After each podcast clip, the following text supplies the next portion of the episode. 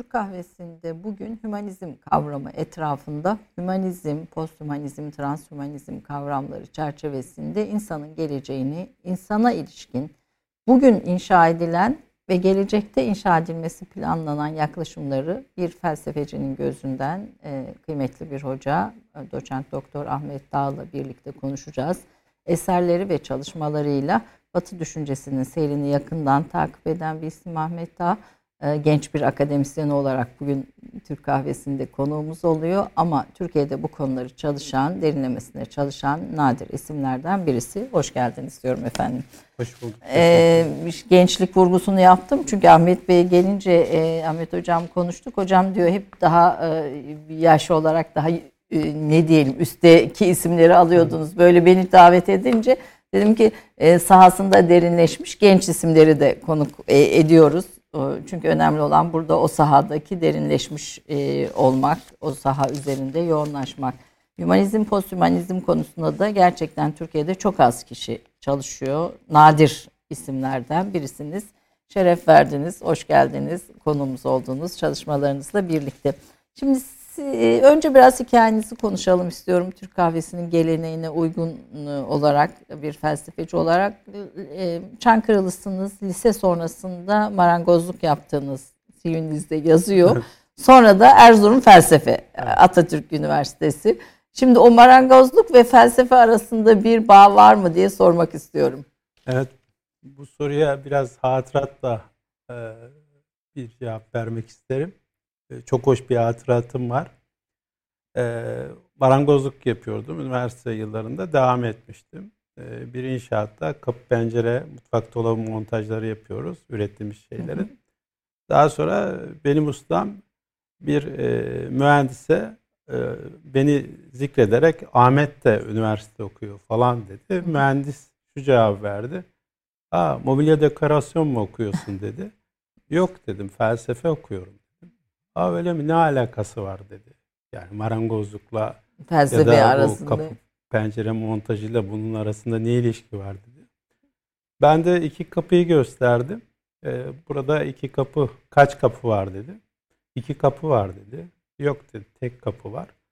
Burası kaç katlı bir bina dedim. 18-19 katlı bina dedi. Hayır dedim. 7-8 kat bilemedim. 9 kat bir bina bu. Ben bu bir kapıyı sırtıma alıp e, birden 7. 8. kata bırakıp geri geliyorum. Ve hiç yorulmuyorum. İşte bu anlamda subjektivizm ve solipsizm düzlemidir. Bu da felsefeci olarak çok işime yarıyor. Felsefe ile bu işin ciddi ilişkisi var diye söylemiştim. Kolaylaştırıcı bir e, ne, nesneleri, objeleri algılamakta ve yorumlamakta kolaylaştırıcı bir şey sağlıyor felsefe size. Tabii ayrıca e, mesela e, tasnif konusunda ciddi e, marangozluktan faydalanıyorum hala. Özellikle budak olan e, unsurları daha çok e, dikkate almıyorum. Yani metinde ya da yazımda budak teşkil edebilecek. Bu da budak meselesini de açıklayayım. Yani eğer siz bir mobilya parçası yapacaksanız budaklı malzeme kullanmazsınız. Çünkü o budak daha sonra atar. E, o yüzden problem teşkil eder mümkün olduğunca budaksız bir malzemeyi tercih etmek durumundasınız. Ben mesela metinlerimi e, inşa ederken bu budak olabilecek unsurları mümkün olduğunca metinde inşa etmem. Diğer bir şey tasnif konusu çok önemlidir. E, akademik bir makalede ya da akademik bir kitapta e, tasnif konusunda da yetenekli olduğumu düşünüyorum. O yüzden marangozlukla felsefe arasında çok ilişki var. Yani hem ileride yazmayı düşünüyorum yani. İleride bu konuyu illaki diyorsunuz ya bu boğa daha derin yazmayı istiyorum. Ee, lisans fels lisansınız felsefe ama sonra yüksek lisansınızı ilahiyat ve din e, bilimlerinde yapıyorsunuz. Evet. Baudrillard'ın simülasyon kavramı üzerine çalışıyorsunuz. Yüksek lisans teziniz.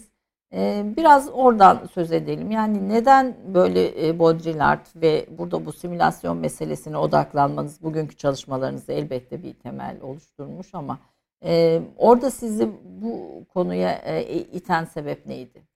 Yani şöyle ben okuma serüvenimde çok aykırı isimleri seven biriydim. Hı hı. Yani herhalde metinlerimde budak denilen şeye yer vermiyordum ama düşünce tarihinde budak olabilecek olan kişileri okumayı çok seviyordum. Yani Cibran'ı okumayı çok seviyordum. Halil Cibran'ı. Daha sonra Nietzsche'yi okumayı çok seviyordum. Cemil Meriç'i okumayı çok seviyordum. Ee, üniversite lisans yıllarında son zamanda da Baudrillard'ı okumayı çok seviyordum. Ve hep kafamda eğer ben bir akademik çalışma yaparsam Baudrillard çalışırım e, diye düşünüyordum. Ve biraz geç oldu ama yüksek lisans sürecim 2006'da başladım e, tezi. 2009 yılında Jean Baudrillard'da simülasyon kuramını temellendirme çalışması olarak tamamladım. Neden Baudrillard? E, bana göre Batı düşüncesinin yapısını ve karakterini en iyi çözümleyebilen filozoflardan biriydi. Ve bu bir tür yapı sökümcü gibi mi görüyorsunuz? E, daha çok var olan modernliğin getirmiş olduğu insanın evrede ne hale geldiğini görebilen özellikle 1975-80'li gibi ilk yıllarda bu simülasyon kuramı üzerinden dijitalleşmenin geleceğini haber veren biriydi. O yüzden Baudrillard'ı okumak, Baudrillard üzerine yazman bir gereklilik olduğunu düşünüyordum. Ve felsefe alanında Baudrillard üzerine ilk tezi hazırlamak da bana nasip oldu. Benim için de ayrıca bir değeri olan biri. Kendisinden bahsederken rahmetli diye bahsederim. Vefat etti derim. Bunu aslında soracağım okurken çünkü iki tane şey var. Bir David Hume daha sonra biraz sonra soracağım. Evet. Bir diğeri Baudrillard. İkisi, ikisi e, genellikle doktora çalışan veya tez çalışan e, eş dost arkadaşlarımda da gördüğüm bir şeydir. Çalıştıkları konuların isimleriyle bir tür arkadaş oluyorlar. Yani o bir onların hayatının bir kişisi haline geliyor bir şey anlamda. Sizde de böyle ol, oldu mu? Yani bir e, hayatınızda eşlik eden bir isim, bir kafa ses, bir arka ses o, oldu mu diye soracaktım. Zihnimde de geçiyordu. Baudrillard'la bu organik bağı oluşturdum ama David Hume'la bu bağı oluşturabildiğimi çok ifade edemem. Tabii çok aykırı bir filozof, aykırı bir kafa, aykırı bir kişilik oldukça e, budak diyebileceğim kişilerden biri. Ama benim üzerimde daha çok tesiri olan meseleleri algılamam, yorumlamamda e, beni asıl etkileyen kişi Baudrillard'dır. Ama mesela Hume'un benim nezdimdeki değeri e, şudur. Daha çok beni düşünmeye ve farklı kışkırtıcı düşünce dünyasına sevk etmeyi becerebilen biri benim için. Ve en çok sevdiğim sözü şu, filozof ol ama insan kal. Ee, benim için çok e, rehber olmuş olan cümlelerinden biri. Şimdi Baudrillard'la ilgili Ölümcül Şiddet ismiyle de bir kitabınız var. Baudrillard'ın düşüncesini anlattığınız bir kitap. Ee, bunu da tavsiye edelim ama çok özetle yani asıl konumuz transhümanizm, hümanizm olduğu için çok özetle e, Baudrillard'ın yaptığı işte bu simülasyon kavramını bugünkü gerçekliğin merkezine oturtmasını biraz bir felsefeci olarak bize hangi kapıları açtığını biraz açar mısınız? Öncelikle Baudrillard e, şöyle var olan Marksist gelenekten gelen biri. Fakat şunu fark eden biri. Yani Marksist literatürün ya da Marksist okuma biçimlerinin e, içinde bulunan çağı anlamakta yeterli kalmadığını fark eden biri. Bu onun en önemli özelliği. Diğer bir e, düzlem ise özellikle tüketime, tüketime dair söylemiş oldukları, simülasyona dair söylemiş oldukları. Yani bir şeyin gerçekliği değil de onun mış gibi. gibi olmuş olan halinin gerçekleşme bağlamı ve kitle iletişim araçlarıyla bu düzlemin daha da gerçekçi bir hale e, kavuşması yani bir anlamda hiper gerçekçilik denilen düzleme doğru evrilmesini görmesi bakımından önemli. Diğer bir şey Baudrillard e, var olan daha önceki filozoflardan çok farklı. Yani işte bir saksının e, durduğu yerin üzerinden bile buna bir anlamda semiyoloji diyoruz. Onun üzerinden dahi çözümlemeler yapabilen keskin bir yetenek. Mesela Amerika e, kitabı gerçekten çok yetenekli bir metin. Çünkü şöyle Amerika'ya çok gitmiş değil ilk gittiğinde yazmış olduğu bir metin. Herhalde Amerika'yı defalarca giden, Amerika'ya defalarca giden ya da Amerika'da çok uzun yıllar yaşayan birçok kişiden daha iyi Amerika tanımlaması yapmış olabilen biri. O yüzden e, Baudrillard'ı daha çok bizim için önemli kılan şey mevcut e, klasik felsefe argümanlarından daha çok bütün interdisiplinleri kullanabilerek, kullanarak nitelikli metinler çıkarması olarak yorumluyorum. Bir de bu simülasyon kavramı onun bunu ortaya koyduğu zamanlarda yani bugünkü kadar metaverse'ler filan filan yoktu yani. Tabii hani ki. tabii bu bu teknolojik gelişmelerin olmadığı bir dönemde bunu ortaya koyuyor ve giderek bu kavram hayatımızda neredeyse her yere koyabileceğimiz her şeyi anlayabilmek için bir kalıp haline de geliyor. Tabii Baudrillard 2007 yılında öldü ve hayatın son dönemi kanserle mücadele etmekle geçti. Haliyle 2005 yılında daha çok biz Web 2.0 denilen, daha, evet. dijitalleşme denilen, sosyal med, e, medya platformların yeni geldiği dönemlerdi ve birçoğuna şahit olmadı. Şahit olmadığı halde orada meydana getirilen kimliğin, orada meydana getirilen söylemlerin bir post olduğunu önceden söylemesi onu farklı kılan bir şey. Özellikle. Ee, daha sonra David Hume sizin yine doktora evet. tezinizin e, konusu olur, olan bir düşünür e, ve Kırklareli Üniversitesi, Kırıkkale Üniversitesi. Kırklareli. Kırklareli doğru söyledim ilk yani, etapta da. Kırklareli e, Üniversitesi'nde Teoman Durali Hoca'nın da kurduğu felsefe bölümünde e, yer aldınız. Ve galiba tek öğrencisi e, diye okudum yanlış mı bir bilgi bu? Evet e, ben hem üniversitenin hem de o dönemde felsefe bölümünün ilk ve tek öğrencisiydim ve Teoman Duralı e, tercihiyle gitmiştim oraya. Yani çünkü hocanın çalışmalarını takip ediyordum, okuyordum ve kendisiyle tanışmamıştım. Ve ben e, oraya gitmem, orada e, doktora yapmam gerekir diye düşünmüştüm. E, aslında çok e, ümit var olduğum bir şey değildi. Çünkü bölüm çok yeni kurulmuştu, üniversite yeni kurulmuştu. Ve e, sürekli takip ediyordum. Acaba ilana çıktı mı, çıkacak mı diye. E, ilginç bir şekilde yeni açılan, bir yıllık açılmış olan bölüm e, doktora programı açmıştı. Ve ben heyecanla oraya gittim ve e, Teoman Duralı Hoca'dan, e, Osman Faruk Akyol ve e, Sadık Türker, Türker Hoca'dan Hocam. dersler aldım. Ve orada benim hayatımda bir dönüşüm meydana getiren bir tercihte bulundum. Ee, şöyle oldu, onu kısaca anlatayım. Ee, bir tez danışmanı tercih etmem gerekiyordu ve benim oraya gitme nedenim az çok belliydi. Ve bölüm başkanımız Sadık Türker Hoca'ydı. Sadık Türker Hoca bir tez danışmanı bildirmem gerektiğini söyledi. Ben kararımı verdim. E, bildirebilirim dedim ve Sadık Hoca'yı tercih ettiğimi söyledim. Hoca hem sevindi hem şaşırdı. Çünkü Teoman Hoca için gittiğimi biliyordu. Ayrıca o dönemlerde Teoman Duralı'da doktora yapmak ayrı bir Tabii, felsefe itibar. İtibar. Evet. Ve neden ben diye sordu. Ben de siz e, çok yeni konulara aşinasınız. Yeni konular çalışıyorsunuz. O yüzden ben daha çok yeni konular çalışmayı tercih eden ve farklı disiplinlerle de bağ kurmayı istiyorum. O yüzden e, sizi tercih ediyorum diye bir cevap vermiştim. E, nihayetinde Hume çalıştım. Aslında ben Derrida ve Baudrillard mukayeseli bir çalışma düşünüyordum. Fakat e, bizim felsefe bölümü, Kırklareli Üniversitesi felsefe bölümü İstanbul Felsefe bölümünün hocalarından bir teşekkür Teoman Duran'ın da. Rahmetle analım Teoman Hoca'yı da evet. burada Türk kahvesinde konuk ettik. Evet Allah rahmet eylesin. Ee, o düzlemde daha çok yeni konular e, çok mevzu değildi. Ve ben e, biraz o dokuya bozmak istemedim. Dokuyu korumak istedim.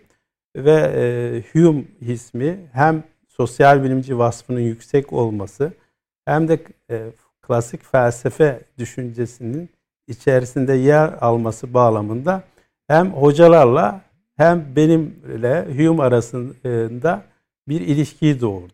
Evet. Çağdaş İngiliz Yahudi medeniyetinin oluşumunda David Hume bu da kitaplaşmış ve son derece evet. Aslında bugünkü medeniyetin e, temellerini kapitalizmin daha doğrusu ağırlıklı olarak da temellerini felsefi temellerini anlamak açısından önemli. Tabii Hume'un e, sizin çalışmanızda gördüğüm kadarıyla da Amerika'nın kuruluşundan Benjamin Franklin ile dostluğundan tutun da ırkçılığa e, çünkü ırkçı bir şey Tabii bir, ki. bir tarafı var. Yani beyaz ırkın üstünlüğüne ve siyah ırkın kafasının çalışmadığına inanıyor. Net bir biçimde. Yani ır, ve birçok aslında 20. yüzyılın başında ortaya çıkan birçok e, düşünceyi, fikir akımında filan dahi etkisi olan hani 18. bir 18. yüzyıl düşünürü yazarı ama e, habitatıyla da e, içinde bulunduğu entelektüel veya etkileşimde bulunduğu çevreyle de bu medeniyete büyük etkisi olmuş bir filozof David Hume. Tabii. E, tezin orijinal adı David Hume'da din ahlak siyaset ilişkisinin temellendirilmesi. Burada ahlakın sekülerleşmesini de kullanıyorsunuz. Tabii. E, ahlakın sekülerleşmesinde ciddi etkisi olan biri Hume ve e, ortaya koymuş olduğu perspektif bakımından e, sosyal bilimci daha çok. Yani e, filozof evet bu bir muhakkak. Hume'un filozof olduğu muhakkak ama e, o dönemler için sosyal bilimcilik denilen bir kavramın bile söz konusu olmadığı dönemde şu anki zamandan, zaviyeden baktığımız zaman sosyal bilimci olarak nitelendirebileceğimiz biri Hume. Ve bugünkü e, e, işte Amerika Birleşik Devletleri'nin kurulmasında önemli bir bahis. Hatta e, şöyle bir kısa geçeyim orayı. E, daha çok İngiltere'nin içerisinde e, varlığını devam ettirmesi yani kolonilerin varlığının devam ettirilmesi gerektiği tezi kullanıldığı düzlemde Hume Amerika Birleşik Devletleri'nin bağımsızlaşmasının daha önemli olduğunu ve İngiltere'ye güç kazandıracağını ifade ediyor. Ve Benjamin Franklin'le mektuplaşmalarında da bu mevzu üzerinde duruyor. Orada Benjamin Franklin ile Hume arasında çok ilginç bir mektuplaşma var. İşte e, Benjamin Franklin e, Hume'a yazıyor. Buraya diyor şeker kamışık geliyor, tütün geliyor, işte baharat geliyor ama sen gelmiyorsun diyor. Ve Benjamin Franklin'de böyle bir dostluk bağı söz konusu. Nitekim e, Hume e, Tory ve Whigci arasında sıkışmış kalmış yani algı olarak sıkıştırılmış kalmış olan biri. İngiliz ve evet Tory'ci yani muhafazakar olarak nitelendiriliyor ve Amerika Birleşik Devletleri'nde bir dönem okunması yasaklanıyor. Ve Jefferson e, yeğenine yazdığı bir mektupta e, okuduktan sonra muhakkak e, Hume'u okuması gerektiğini söylüyor ve e, başta Yale olmak üzere üniversitelerde kitapların olunması olması gerektiği talimatını veriyor. Farklı bir kişilik. Yani biz tabii medeniyetleri oluştururken işte sanayileşmeye konuşuyoruz. Teknoloji şimdi e, transhumanizmde de bunları konuşacağız ama asıl bunların altında bir fikir, bir felsefe var. Bir dünyaya bakış tabii. var. Aslında o dünyaya bakışı inşa eden isimlerden birisi. O inşa ettiği dünyaya bakışın temellerini böyle çok kısa söyleyebilir miyiz? E, bir kere e, Teoman Hoca'nın söylediği çağdaş sermayeci dünyanın nirengi noktalarından biri. O yüzden e, özellikle biz e, ekonominin e, kurumsal, kuramsallaşması ve bugünkü mevcut İngiliz iktisadi temelli e, kapitalizmin inşa edilmesinde hep Adam Smith'i görüyoruz. Ama Hume'un özellikle essays metinlerinde geçen ekonomiye, paraya dair, ticarete dair söylemiş olduğu düzlemlere baktığımız zaman e, mevcut ekonomik düzlemin yani ekonomik yaklaşımların, kapitalizmin doğmasında en önemli etkenlerden biri olan bir filozof. Diğer bir şey özellikle sadece mesela Türkiye'de Hume'un algılanması dine yönelik yaptığı eleştiriler üzerinden olmuştur. Oysa bizim o atmosferde 1970'lerdeki algımız üzerinden var olan bir yakıştırmadır. Evet Hume'un dine yönelik e, karşıt özellikle din üzerine söylemler metni önemlidir. Fakat ekonomi ve siyaset bağlamında ve ahlak bağlamında söyledikleri Hume'u daha farklı kılan yön. Ve bizim daha çok ilgilenmemiz gereken şey oydu. Ve ben o yüzden ahlak ve siyasetle ilişkili olarak konusu üzerinden daha çok ilgilenmeye çalıştım. Yani, yani. bugün ah, tabii aydınlanma çağı vesaire ahlakın sekülerleşmesi, din bağlamından kopması üzerinde bir etki yaptı David Hume'da. Bu, bu etkiyi de önemli filozoflardan birisi. Ama yine de siz orada derinleşerek David Hume'un e, bugünkü seküler anlayışın içinde çok önemli bir yapı taşı oluşturduğunu söylüyorsunuz. Tabii ki ma- mantıkçı pozitivizmin özellikle e, gelişmesinde ciddi katkısı olan biri. Çok burayı felsefileştirmeyeceğim. Hume çatalı diye nitelendirdiğimiz is ought yani olgu ve değer ayrımı bağlamında değere ilişkin olan söylevlerin gerçekçilik ya da e, bir e, doğruluk taşımasının çok söz konusu olmadığını ve özellikle metafiziğe ilişkin getirmiş olduğu keskin eleştiriler hatta metafiziğe ait olan ne varsa ateşe atılmalıdır şeklindeki yaklaşım mantıkçı pozitivizmin doğmasına yol açmıştır ve bugünkü seküler e, pozitivist bir dünyanın oluşmasında ciddi katkısı olan biri. Bu anlamda bu, bu çalışmada aslında bunun anlaşılmasında e, etkili oluyor. Çünkü bu gün geldiğimiz e, transhumanizm diye birazdan konuşacağımız konuda bütün bunun üzerine bir taş, bir yükselen bir başka taş. Bu düşüncenin, batı düşüncesinin devamında. Bu arada reklam arasına gideceğim ama hocam şey sormak istiyorum. Şimdi Anadolu'da çok fazla üniversite açıldı ve buna dair de bir e, yer yer işte Anadolu'da felsefe okunur mu? Evet. diyen de bir şey var işte felsefe deyince illa işte İstanbul ya Ankara hani belli e, düşünce mihrakları çerçevesinde belli okullar olabilir deniyor. Siz Anadolu Üniversitelerinden yetişmiş kıymetli bir felsefe hocasısınız. E, sizin bu konuya yaklaşımınız nedir merak ediyorum. Yani Anadolu'da felsefe okunur mu Anadolu Üniversitelerinde evet. diye bir başlıkla sorayım. Bence güzel ve önemli bir soru. Yani ben e, Atatürk Üniversitesi felsefe bölümü mezunuyum. Ve bizim yıllarımızda da Erzurum'da felsefe mi olur şeklinde bir yaklaşım söz konusuydu. E, fakat şöyle bir düzlem söz konusu. Birinci olarak e, şehrin e, dokusuyla ilişki kurabildiğiniz takdirde dolayısıyla Descartes'in de ifade ettiği toplumun gelenek ve görenekleriyle ilişki kurabildiğiniz düzeyde filozof ya da felsefeci olma düzleminiz e, artış kazanabiliyor. Yani o yüzden e, Anadolu'daki üniversitelerin önemli özelliği bu dokuyla ilişki kurabilmeleri olması gerekir. Ben bu anlamda kendi lisans öğrencilik yıllarımda e, Erzurum'da olan, var olan bu dokuyla ciddi ilişki kurabildiğimi düşünüyorum ve şunu söylerim e, çoğu yerde eğer bende bir ilim, bilgi söz konusuysa bunun yüzde sekseni Erzurum'dandır diye, diye ifade ederim. İkinci bir düzlem e, orada gerçekten özellikle son açılan üniversitelerde e, çok nitelikli genç akademisyenler söz konusu ve çok çalışıyorlar ve çok farklı ve çok yeni konular e, çalışıyorlar. Yani ben şunu demiyorum. Yani biz Kant çalışmayalım, Descartes çalışmayalım, Hume çalışmayalım demiyorum. Ama felsefenin sadece bundan ibaret olmadığını düşünüyorum ve Anadolu'da taşrada olan akademisyen genç arkadaşlar çok farklı, çok yeni konu e, tartışıyorlar. Mesela Şırnak Üniversitesi'nden bir e, bayan hocamızla dün biz e, benim de moderatörlük yaptım. Posthumanizm ve adalet mevzusunu ta- tartıştık ve doktora tezi posthumanizm ve adalet bağlamındaydı. O yüzden bu konuda ben Taşra Üniversiteleri diye bir nevi parantez içerisinde e, tırnak işareti içerisinde pejoratif yani aşağılayıcı bir yaklaşım sergilenmesini çok doğru bulmuyorum.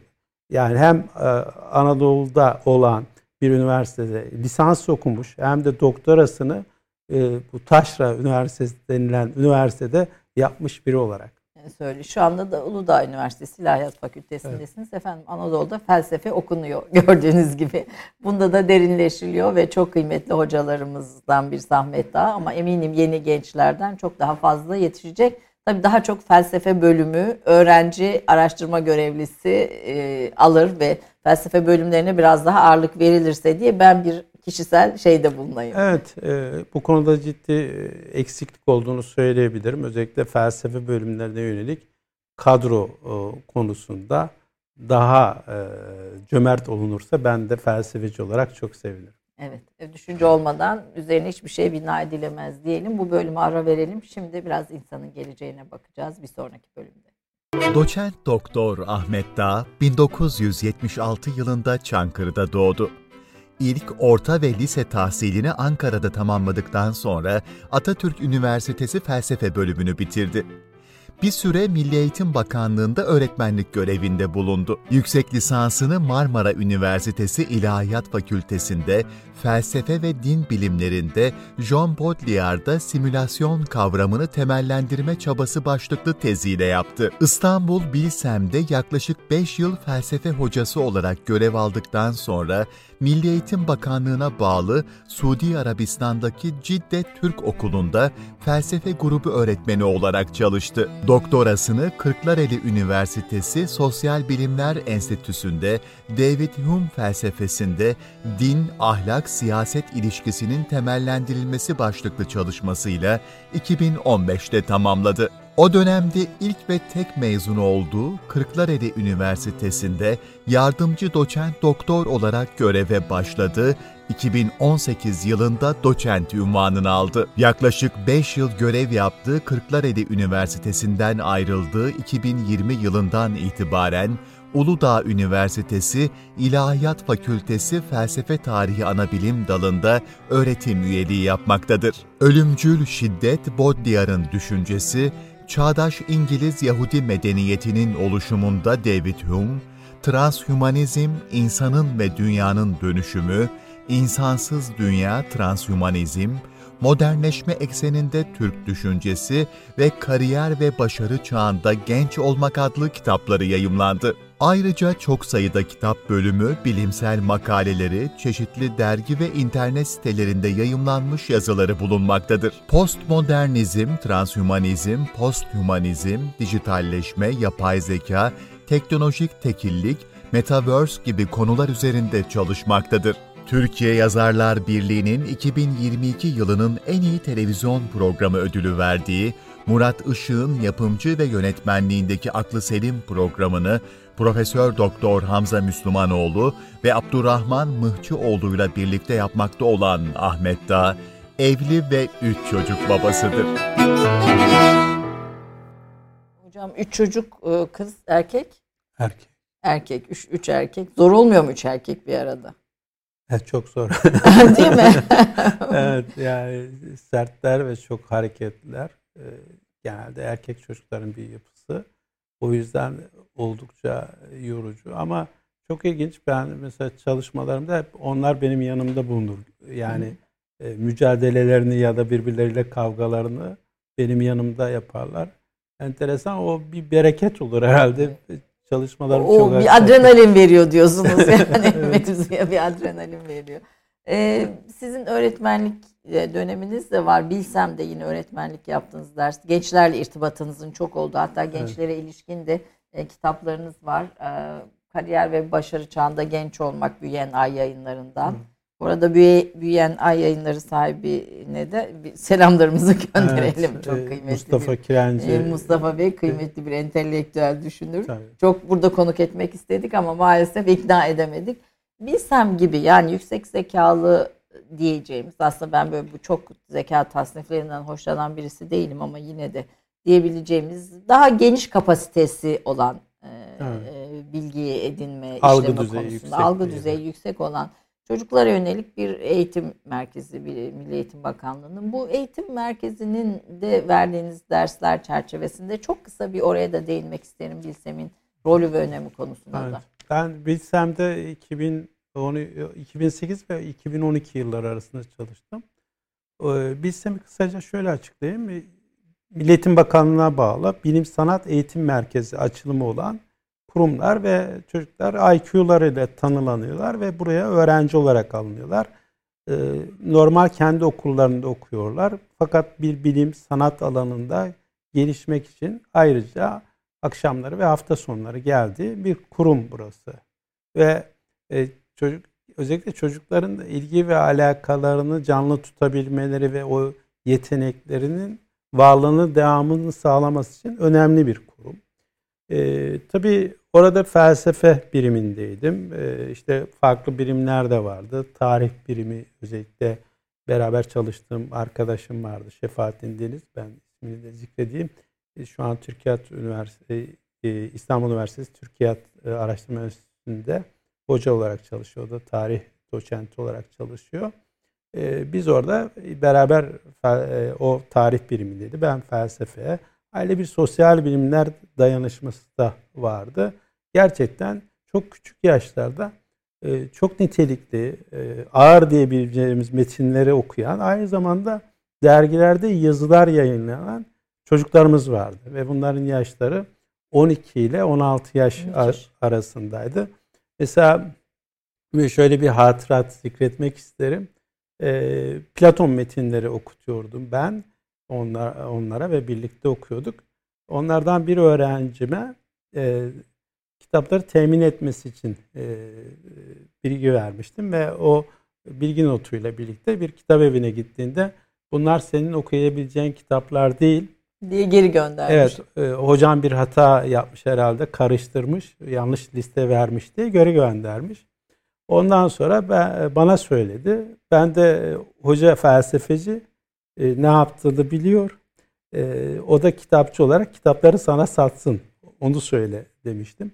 Ya gerçekten algı düzeyleri çok yüksekti ve bugün bunların büyük kısmı büyüdüler. Şu an e, 30'lu yaşlarda. 30'lu yaşlarda.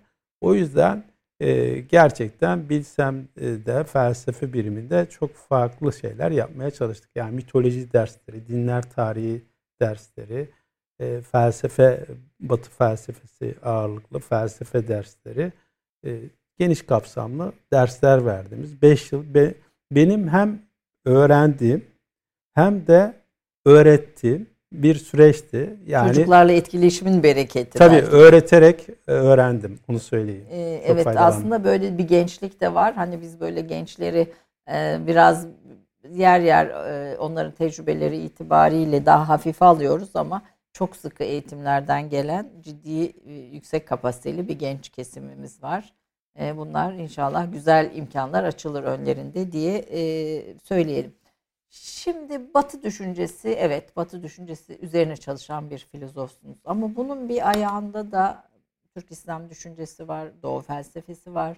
E, ve bu bu sahayı e, nasıl tamamladınız? Buradaki duruşunuzu merak ediyorum. Çünkü modernleşme ekseninde Türk düşüncesi yine bir çalışma sahalarınızdan birisi. Cemil Meriç üzerine bir makalenizi gördüm. Doğu Batı bağlamında modernleşme ve sömürgecilik diye e, Asım Öz'ün hazırladığı e, Cemil Meriç kitabından bu ülkeyi yeniden düşünmek için yazdım diyorsunuz. E, makalelerinizde yer yer Türk e, İslam düşüncesi veya İslam düşüncesi veya Doğu düşüncesine ilişkinde yazılarınız var. Biraz e, bu konudaki çabanıza, bu buranın size Batı düşüncesini anlama veya çerçeveleme noktasındaki e, size yaptığı katkıya da değinmenizi isterim. Ben lisans yıllarında felsefe okuduğum dönemlerde şuna dikkat etmeye çalışan biriydim. Yani var olan batı düşüncesi eksenli felsefe evet var, önemli, kıymetli. Ama kendi e, coğrafyamız içerisinde, kendi kadim kültürü ve düşüncemiz içerisinde var olan felsefe ve düşünce de çok kıymetli diye düşünen biriydim. Ve hiçbir zaman okumalarımı salt batı düşüncesi eksenli yapmamaya gayret ettim. Aynı zamanda Türk İslam düşüncesi, Türk İslam felsefesi bağlamında çalışmalar gerçekleştirmeye çalıştım. Nitekim ilk akademik e, makalem e, İslam düşüncesinde dil mantık sorunu bağlamında yazılmış olan bir makaledir. E, şeye gelince modernleşme ekseninde Türk düşüncesi kitabına gelince e, artık bir e, zaruret doğmuştu. Şu e, dört kitap çalışma yayınlanmıştı ve dördü de Batı düşüncesi üzerine yayınlanmış olan çalışmaydı.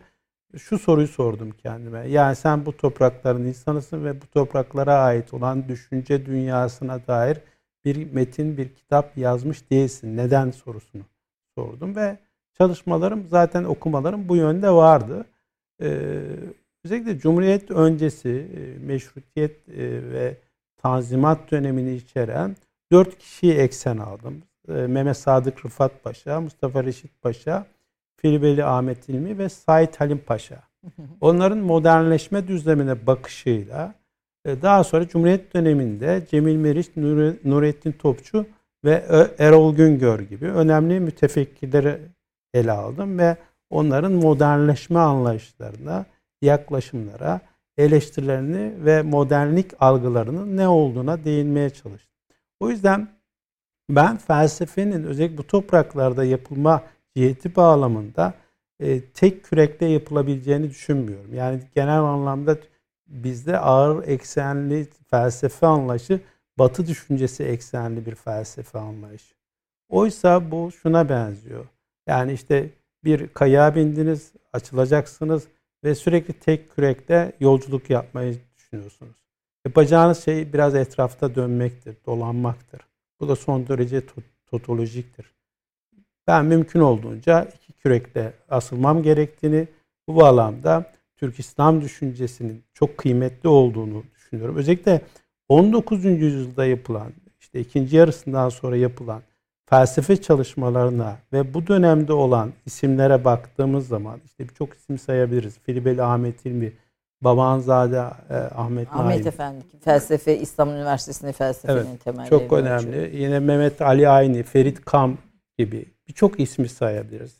Yine sosyal bilimci özelliği bağlamında e, işte e, işte eleştirel yaklaşılsa da Ali Suavi gibi, Abdullah Cevdet gibi, Celal Nuri gibi işte isimlerin dahi çok e, kıymetli fikirler ortaya koyduğunu düşünüyorum. O yüzden e, benim felsefe algım hem bu toprakların içerisinde var olan felsefeye kıymet vermek hem de Batı düşüncesini anlamaya yönelik bir çaba. Şimdi te, rahmetli Teoman Durali e, kendi hayat öyküsünü anlatırken felsefe okumak istediğinde babası e, eski bir milletvekili zaten o dönemlerde de milletvekili. E, Türk'ün felsefesi olmaz. Ne işin var felsefe bölümünde demiş.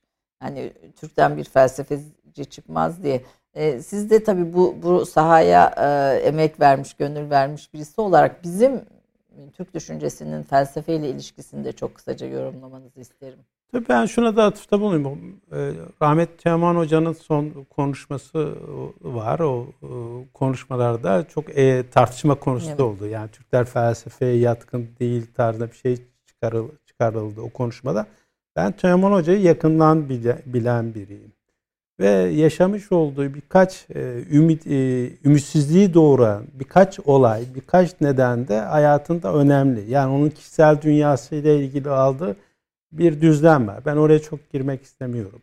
O yüzden o, hocanın e, kendi düzleminde ki iki metin yazmış, üçüncü metni hazırlayan biri olarak Teoman Duralı düşüncesi üzerine üçüncü metni hazırlayan biri olarak söylüyorum kendi düşüncesi dünyası düzleminde hem kullandığı dil açısından hem de bu topraklara ait olan ya, e, tevarüs etmiş olduğu bilgi birikimini çok iyi kullanan biri. Zaten bir konuşmasında öyle diyor. Yani ben işte Sorbonne, Oxford'lar falan okumadım.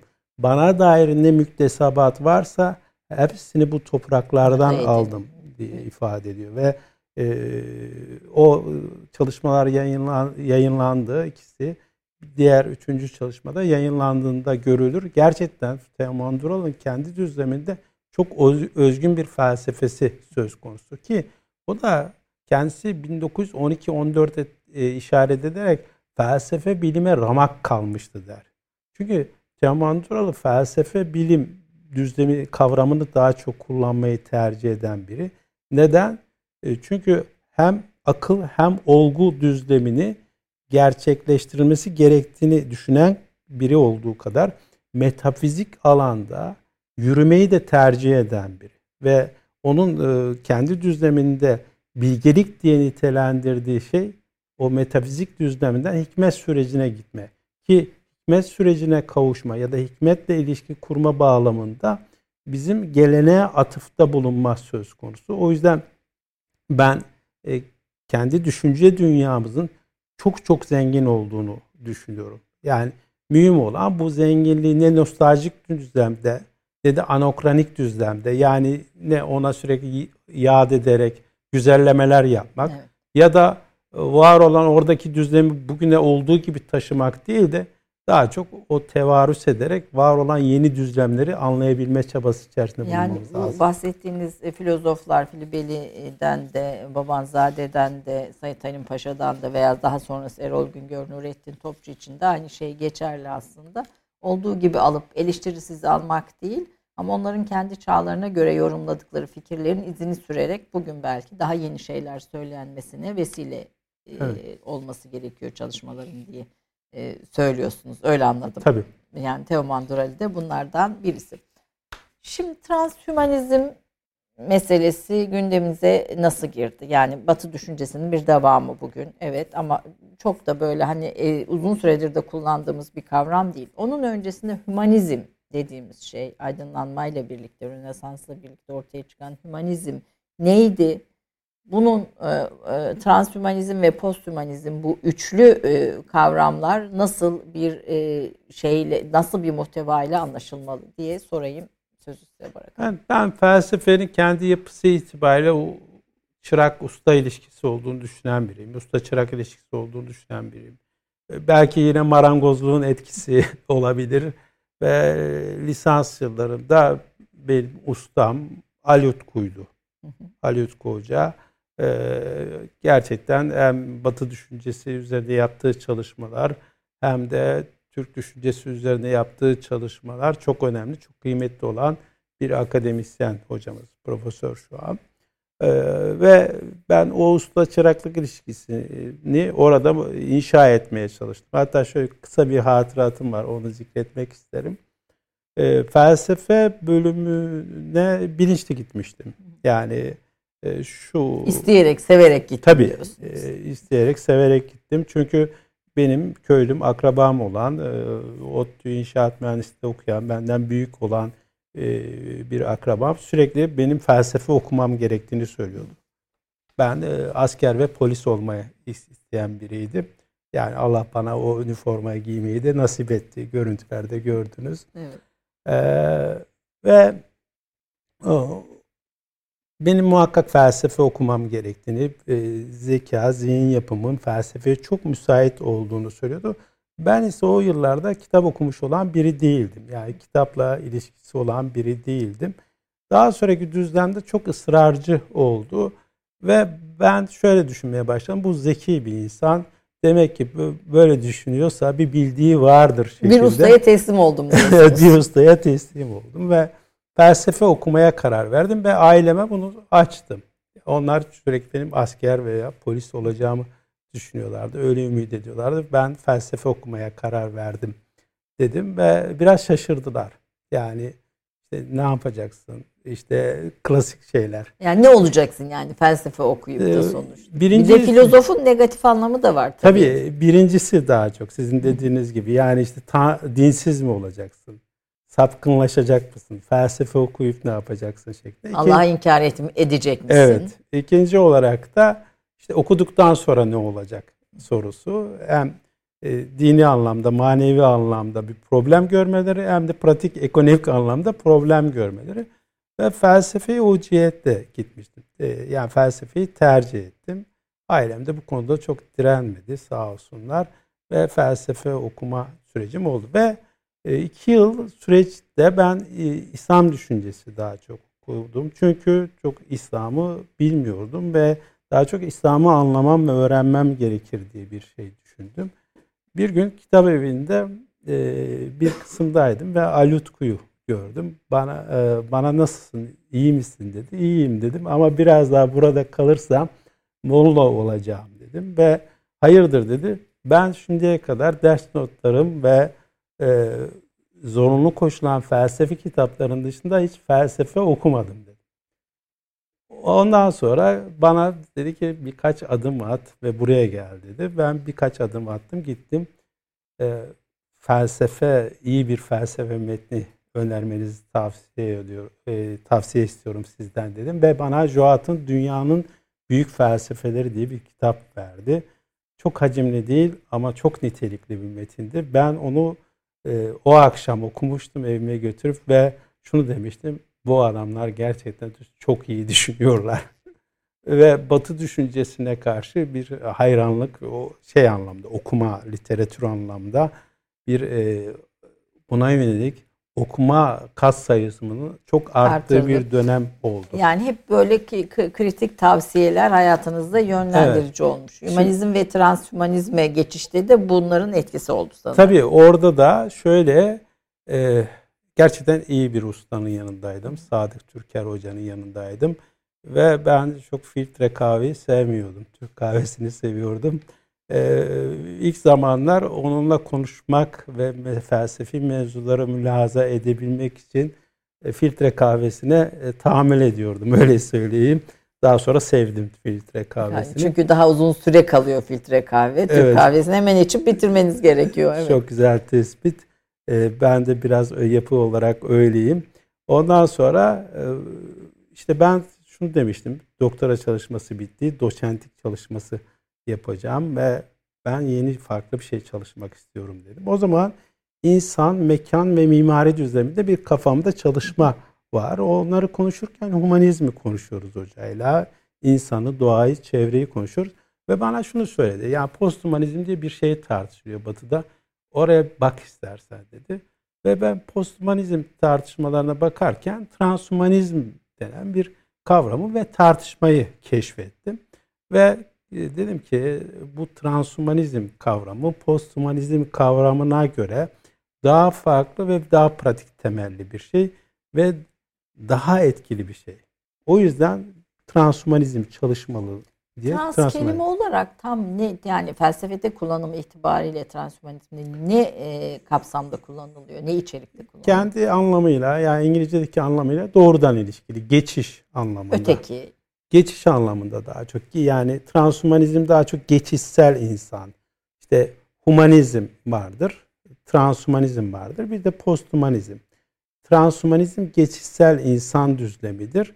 Humanizm bir nevi bir sıfır olan ilk İnsan süreçtir. Düzlemi. Yani insanın Tanrı'dan bağımsızlaşıp kendisini merkeze aldığı evet. kuralları itibariyle. Transhumanizm e, bir sonraki evresidir. Posthumanizm ise artık onun nihai evresi tamamlanmış olan düzlemidir. Yani nihai evresinde ne olacak peki? Gene bir reklam arasına gideceğiz. Onu da söyleyelim. Ondan sonra bu konuya devam edeceğiz. Yani nihai evresinde bir ölümsüzlük düzleminin gerçekleşeceğine dair umutları söz konusu transhumanist.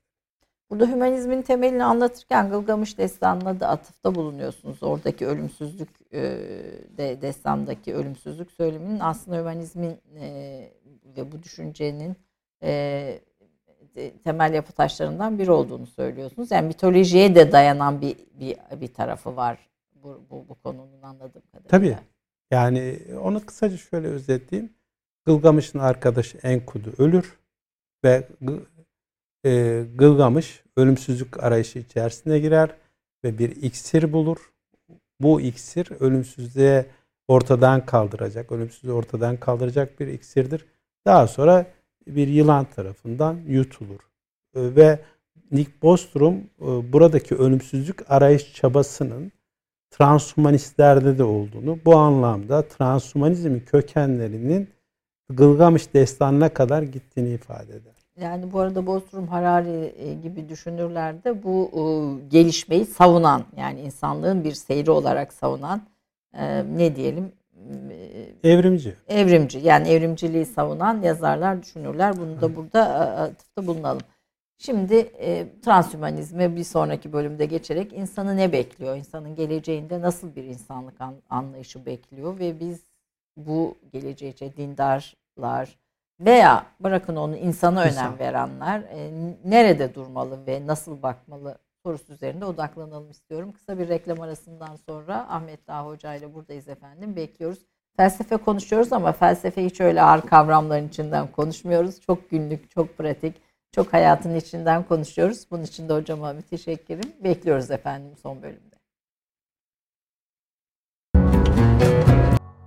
Efendim Türk Kahvesi'nde doçent doktor Ahmet Dağ'la birlikteyiz. Ee, Uludağ Üniversitesi İlahiyat Fakültesi'nde özellikle felsefe e, sahasında çalışan kıymetli bir akademisyen.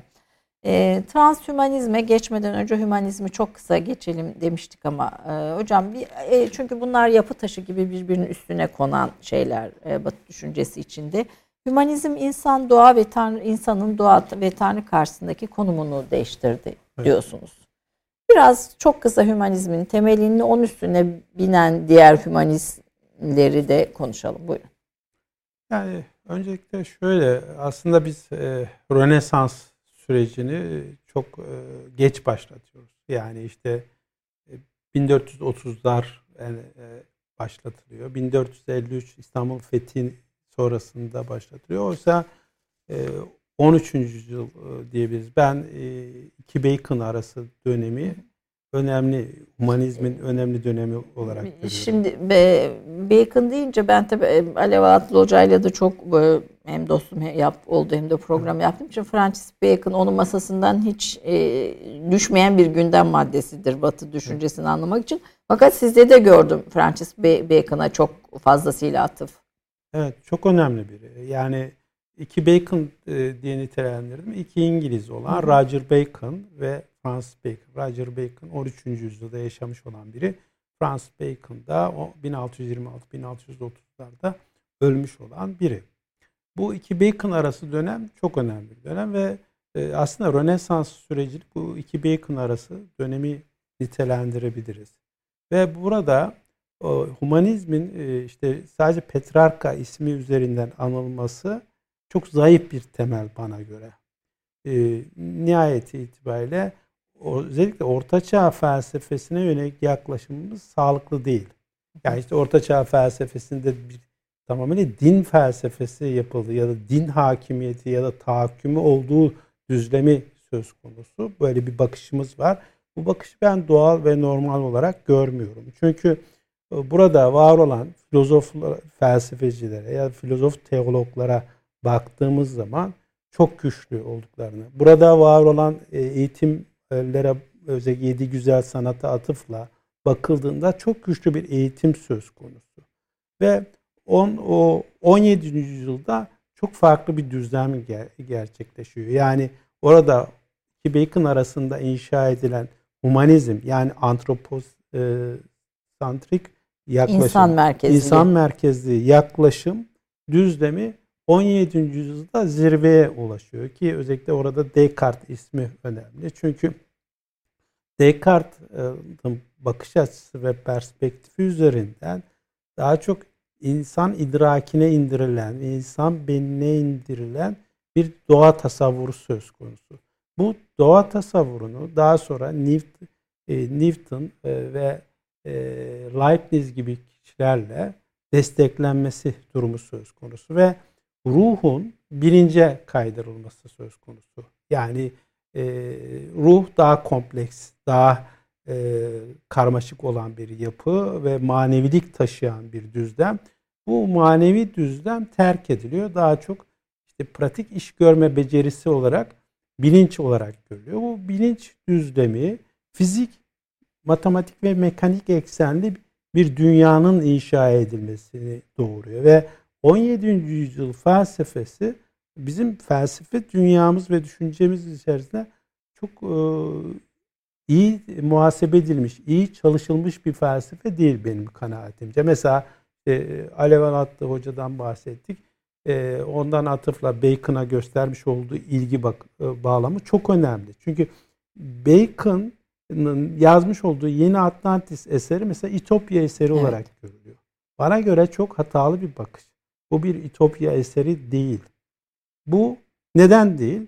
Bacon bir kere bakanlık yapmış olan biri. Yani dolayısıyla sarayda yöneticilik yapıyor. Evet, yani. hem bürokrasi hem devlet yöneticiliği bağlamında tecrübesi olan biri. İkinci olarak Bacon'ın bir özelliği de bilimlerin inşası ve ta- tasnifi ve bilimlerde yöntemi geliştirmesi söz konusu. Bu iki özellik yani onun pratik bilimci özelliği e, var ve biz Bacon'ın yazmış olduğu metni, Yeni Atlantis metni İtopya eseri olarak evet. görüyoruz. Ben onu bir İtopya eseri olarak görmüyorum.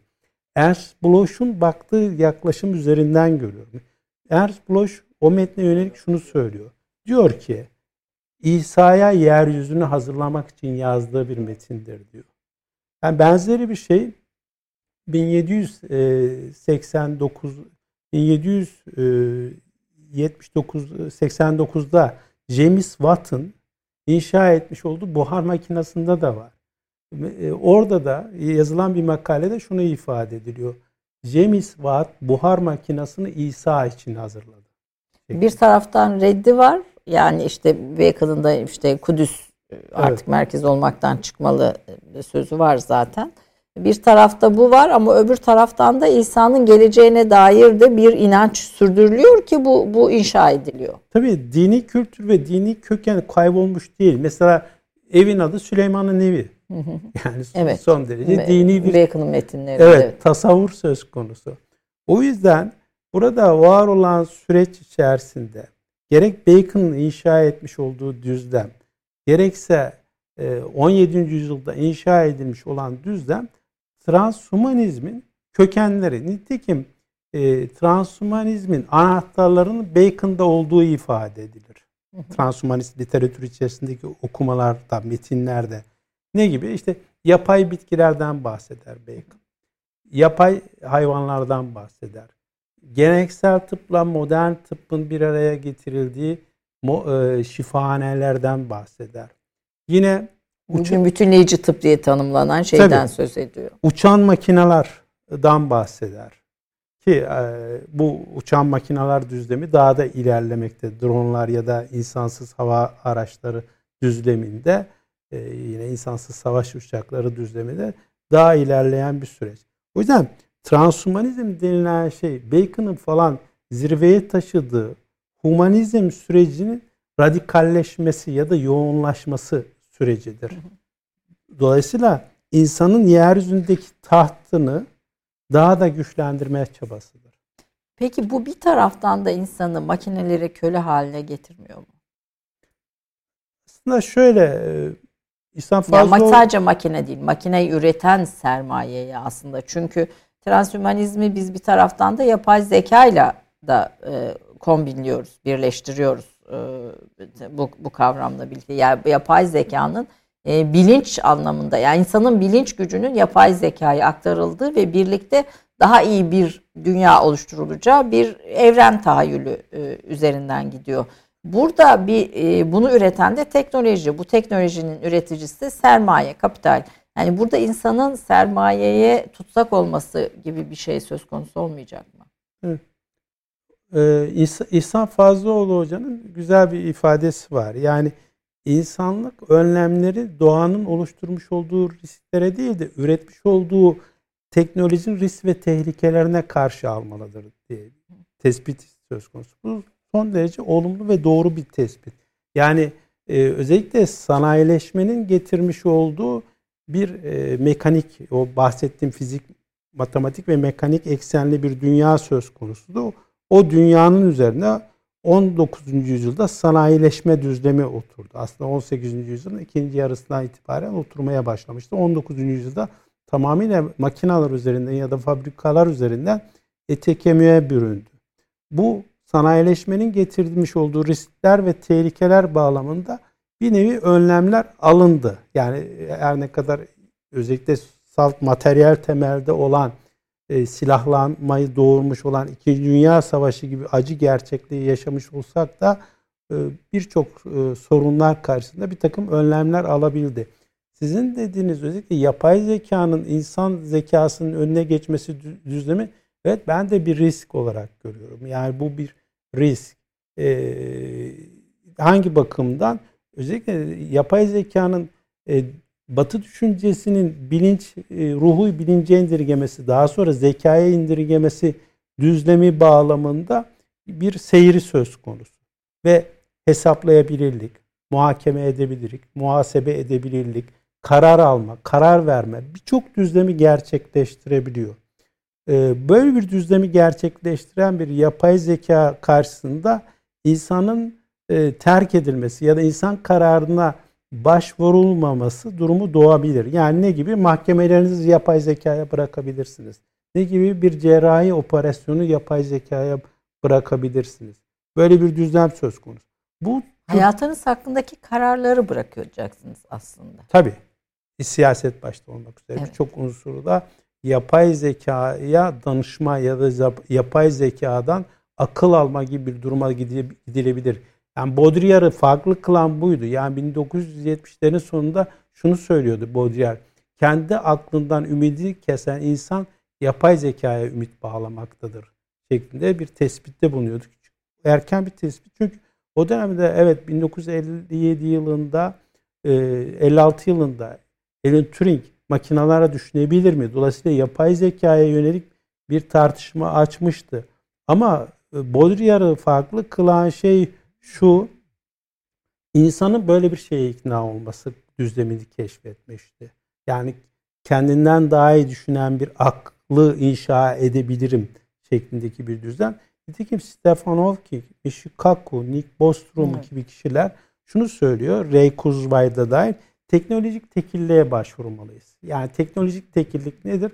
İnsan zihniyle yapay süper zeka yani bilgisayarlaşmış zekanın entegre olması. Bugün de Elon Musk'ın çalışmış olduğu Neuralink'ler. Neuralink çalışması. O zaman ne ne yapılacak? İşte Michi Kaku'nun, Stephen Hawking'in ve Nick Bostrom'un söylediği şey insan yapay zeka karşısında köleleşmekten ancak bununla kurtulabilir şeklindeki bir düzlem ve tartışma söz konusu. Bu tartışma da sürüyor. E, hümanizm insan doğa ve Tanrı karşısındaki konumunu değiştirme, transhümanizm ise insan doğasını değiştirme ve onu doğadan ve Tanrı'dan koparma amacındadır. Hümanizmin rasyonel deneysel insanı yerini bionano, e, neuroinfo teknolojileriyle desteklenmiş, çeşitli teknolojilerle desteklenmiş transhumana bıraktığı, transhumana bıraktığı bir dönemin eşindeyiz. E, sinema ve romanda da transhumanizme kısaca gireceğim ama din meselesini süremizde çok az kaldığı için e, süremizi de aşmak istemiyorum. E, çok kısa romanlarda nasıl roman ve filmlerdeki birçok bilim kurgu film seyrediyoruz. Nasıl bir dünyaya hazırlanıyoruz? Yani e, işte insanlar arasında hani benim kendi gözlemim duyguların e, bile matematikleştirildiği veya duyguların da başka bir boyuta aktarıldığı, e, bütün ilişkilerin mekanik bir düzlemde olduğu bir dünya görüyoruz. Siz bir felsefeci olarak filmleri ve romanları nasıl görüyorsunuz, ne yorumluyorsunuz? Bir diğer tarafta da peki bütün bunların karşısında e, Müslüman olarak veya dindar inanmış insanlar e, ne yapacaklar bu dünyaya karşı nasıl tavır alacaklar veya nerede duracaklar veya almayacaklar mı? E, yani sinema ve roman bağlamında transhumanizmde şöyle bir bağ var. Bir, e, esin kaynağı or- orası oluyor. İki, kendisini e, propaganda aracı olarak kullandığı bir şey olarak kullanıyor. Yani mesela e, ne anlamda esin kaynağı? İşte transhumanizmin e, kavram olarak kullanılması tarihi 1957. Julian Huxley bir evrimci olan Julian Huxley tarafından kullanılıyor. İlk transhumanist roman diyebileceğimiz roman ise 1817 veya 37 yıllarında yazılmış olan Mary Shelley'in yazmış olduğu Frankenstein. Frankenstein ya da bir Promete yaratmak adlı eseri. Orada işte kısaca ne yapıyor? İşte e, mezarlıktan bir takım cesetler topluyor. İşte ceset parçaları, kafa, kol falan bunları birleştiriyor. Ve o dönem elektrik çağı dönemi, elektriksel bir dönem. Elektrikle can veriyor, ruh veriyor. Mesela bunun karşılığı var mı? Var transhumanistlerde. İşte 1976'da falan kurulmuş olan Alcor firması var ve e, kriyanikler var. Yani bedenin dondurulduğu düzlem söz konusu. İşte eksi 180 derecede e, donduruluyor ve kan çekiliyor ve bedenler donduruluyor ve yüksek maliyette yapılıyor. Yani insanlar bedenlerini dondurmaları için büyük paralar büyük ödüyor. paralar ödüyorlar. Neden? Çünkü e, ileride teknoloji daha da gelişecek. Bu bedenler diriltilebilecek şeklinde bir olasılık düzlemine işaret ediliyor. O yüzden burada sinema e, ve roman düzlemi hem var olan bu tür yeni çalışmalara çığır açan bir kum havuzu hem de e, bu tür çalışmaları biraz ikna düzlemine giriyor. Yani bizi hazırlıyor mu diye düşünüyorum. Tabii Black Mirror'ı, Blade Runner ya da birçok filmi e, çok oldukça işte X-Mation filmini de verebilirim. Birçok filmi gördüğümüz zaman bir hazırlanma süreci de söz konusu. Yani özellikle büyük devrim hareketi olarak teknolojik tekillik görülüyor. Yani insan zihniyle makine zekasının birleştirilmesi. Ve bunun üzerine. tek gerçeklik olduğu bir dünya teknolojik evet. tekillikle birlikte. Yani işte ikinci aydınlanma düzlemi olarak görülüyor. Yani işte neo aydınlanma olarak ifade ediliyor transhumanizm. Birinci aydınlanmanın da birçok iddiası vardı. Fakat birinci aydınlanma iddiaların birçoğunu değiştirememesine rağmen e, gerçekleştirememesine rağmen e, bir kısmını gerçekleştirdi. Fakat o bir kısmı dünyayı çok farklılaştırdı. Bu ikinci aydınlanmada e, birçok şeyi gerçekleştiremeyebilirler. Başta ölümsüzlük olmak üzere. Ama e, çok şeyin de farklılaşacağı bir 21. yüzyıl yaşayacağımızı düşünüyorum. Ya bir Müslüman olarak e, ve inanan bir insan olarak e, düzleme nasıl bakıyorum? E, bir kere özellikle bu transhumanizm ya da benzeri tartışmaların komplo teorileri bağlamında alınmasını çok yanlış buluyorum.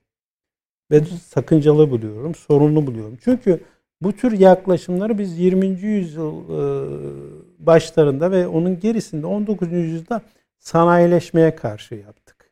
Yani son derece reaktif, tepkisel bir tavır koyduk ve bunun kötülüğüne daha çok işaret ettik ve bu şeyi doğurdu. Yani sanayileşme düzlemini anlayamamamızı doğurdu.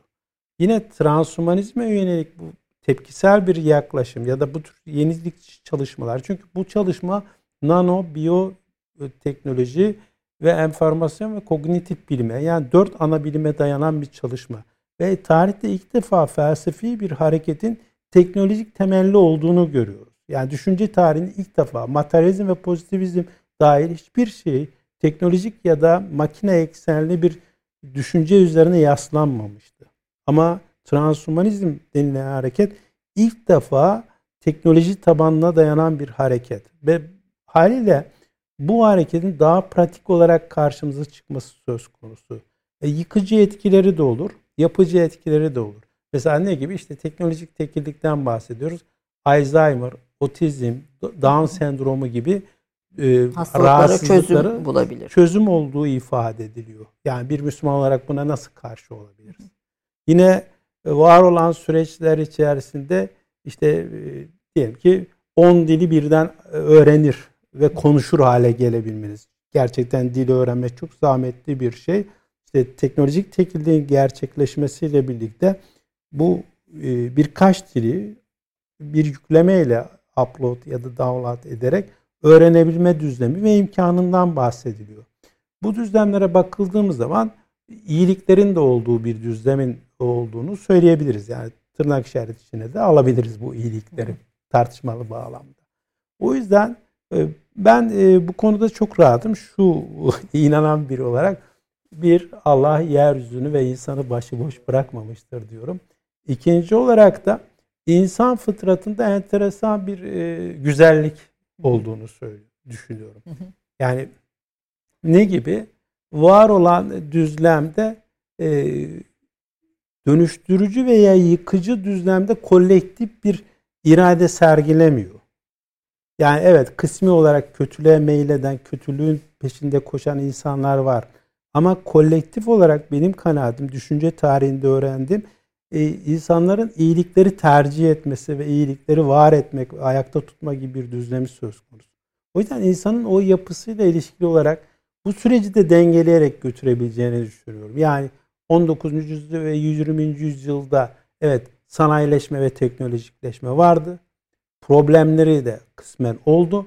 Ama bu insanlığın toptan dönüşmesi, toptan yıkılması ve yok olması düzlemini doğurmadı. 21. yüzyılda takım problemler de olsa ki transhumanizmin askerileşme bir ciheti de söz konusu. Onu evet soracaktım. Onu önemli evet. bir başlık olarak koyuyorsunuz. Bu, bunu konuda makalesi Bu problemli var. de olsa burada dengeleyici unsurların var olduğunu düşünüyorum. Askerileşme derken çok kısa altını çizmek istiyorum. Ne kastediyorsunuz? Şu yapılmak istenen nanoteknoloji, biyoteknoloji, enformasyon ve kognitif bilim bağlamındaki çalışmaların askeri düzlemde gerçekleştirilmesi. Yani e, neden bahsediyorum? Mesela, Ulusların birbirleriyle üstünlüğü ve savaşı ekseninde bu çalışmalar asıl esas noktada planlanıyor mu diyorsunuz? Tabii. Yani birinci olarak e, var olan insansız savaş araçlarının şeyi ki metin bir de ona evet. ithaf eden bir şey. İnsansız dünya. Yani bir de ona açıklama getireyim. İnsanın ve dünyanın dönüşümü transhumanizm kitabıyla insansız dünya transhumanizm kitabı karıştırılıyor. Ben şöyle iki tane göstereyim. Evet. Bu sizin doçentlik teziniz transhumanizm. Evet, Burada insanın ve dünyanın dönüşümünü kavramsal çerçevede daha anlatıyorsunuz. Evet. E, Transhümanizm yeni kitabınız. insansız. 2 3 yıl önce. 3 yıl önce ben yeni evet. belki şey yaptım dikkatimi çekti. Ketebe yeni bastı diyelim.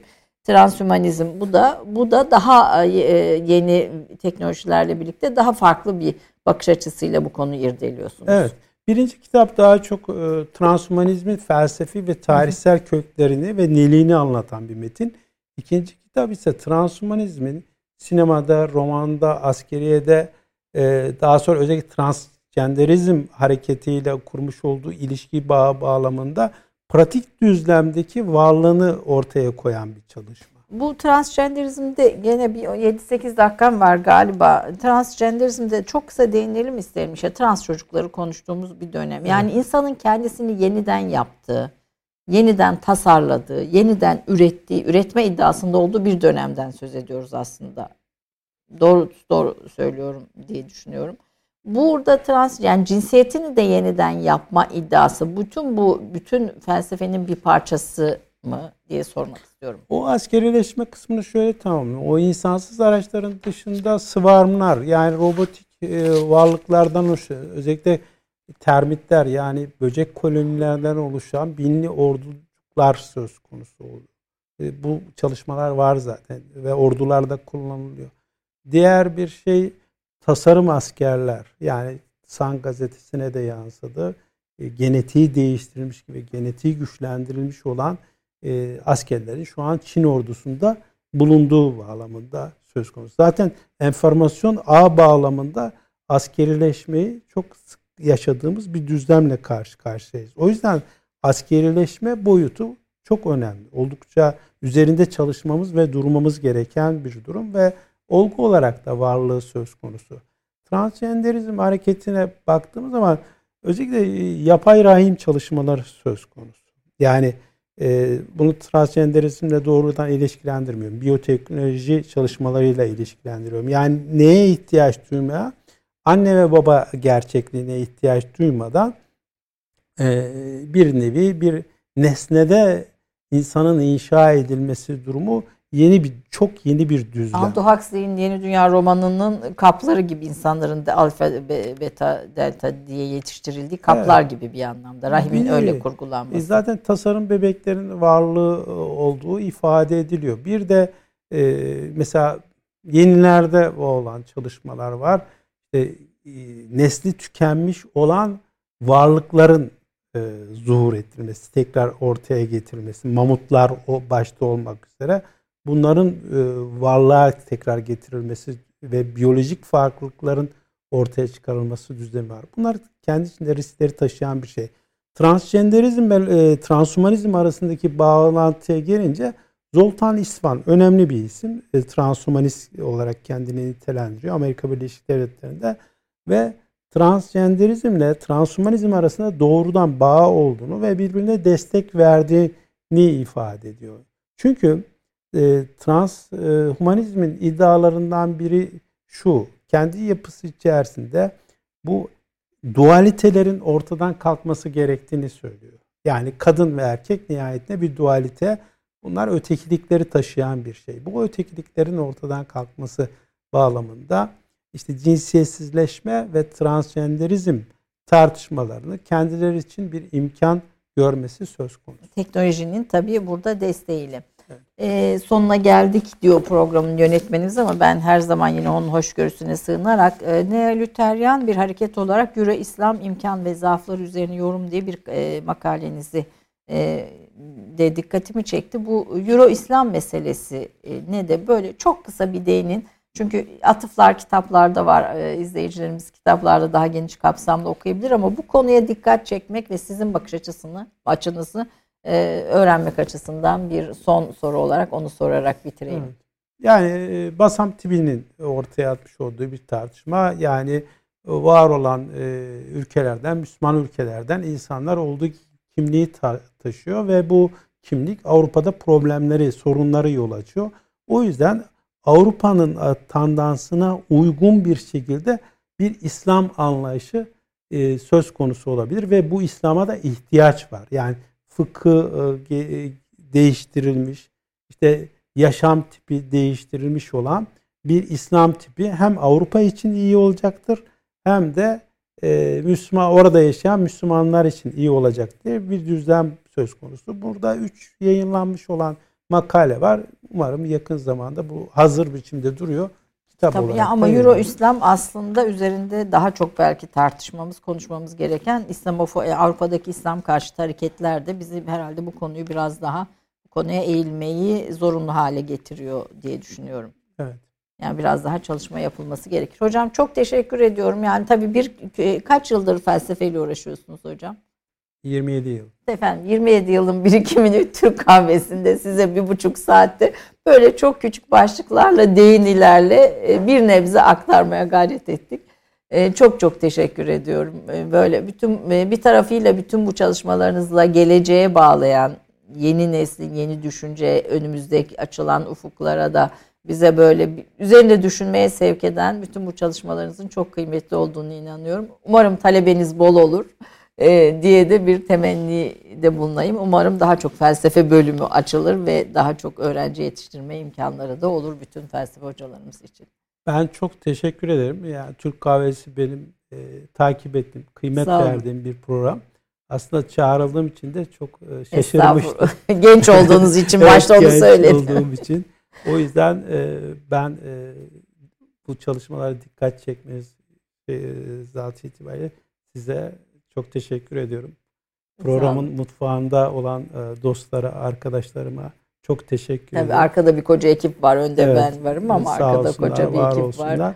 Benim için çok akıcı ve güzel bir program oldu. Çok sağ olun. Çok teşekkür ediyorum. Efendim Türk kahvesinde bugün felsefeyi bugünden bakarak konuştuk. Bugünün meseleleriyle aslında içinde yaşadığımız, yorulduğumuz konularla. Ama elbette bütün bu başlıkların daha da açılma ihtiyacı var. Sonraki dönemlerde tekrar konuşuruz diye umut ediyoruz.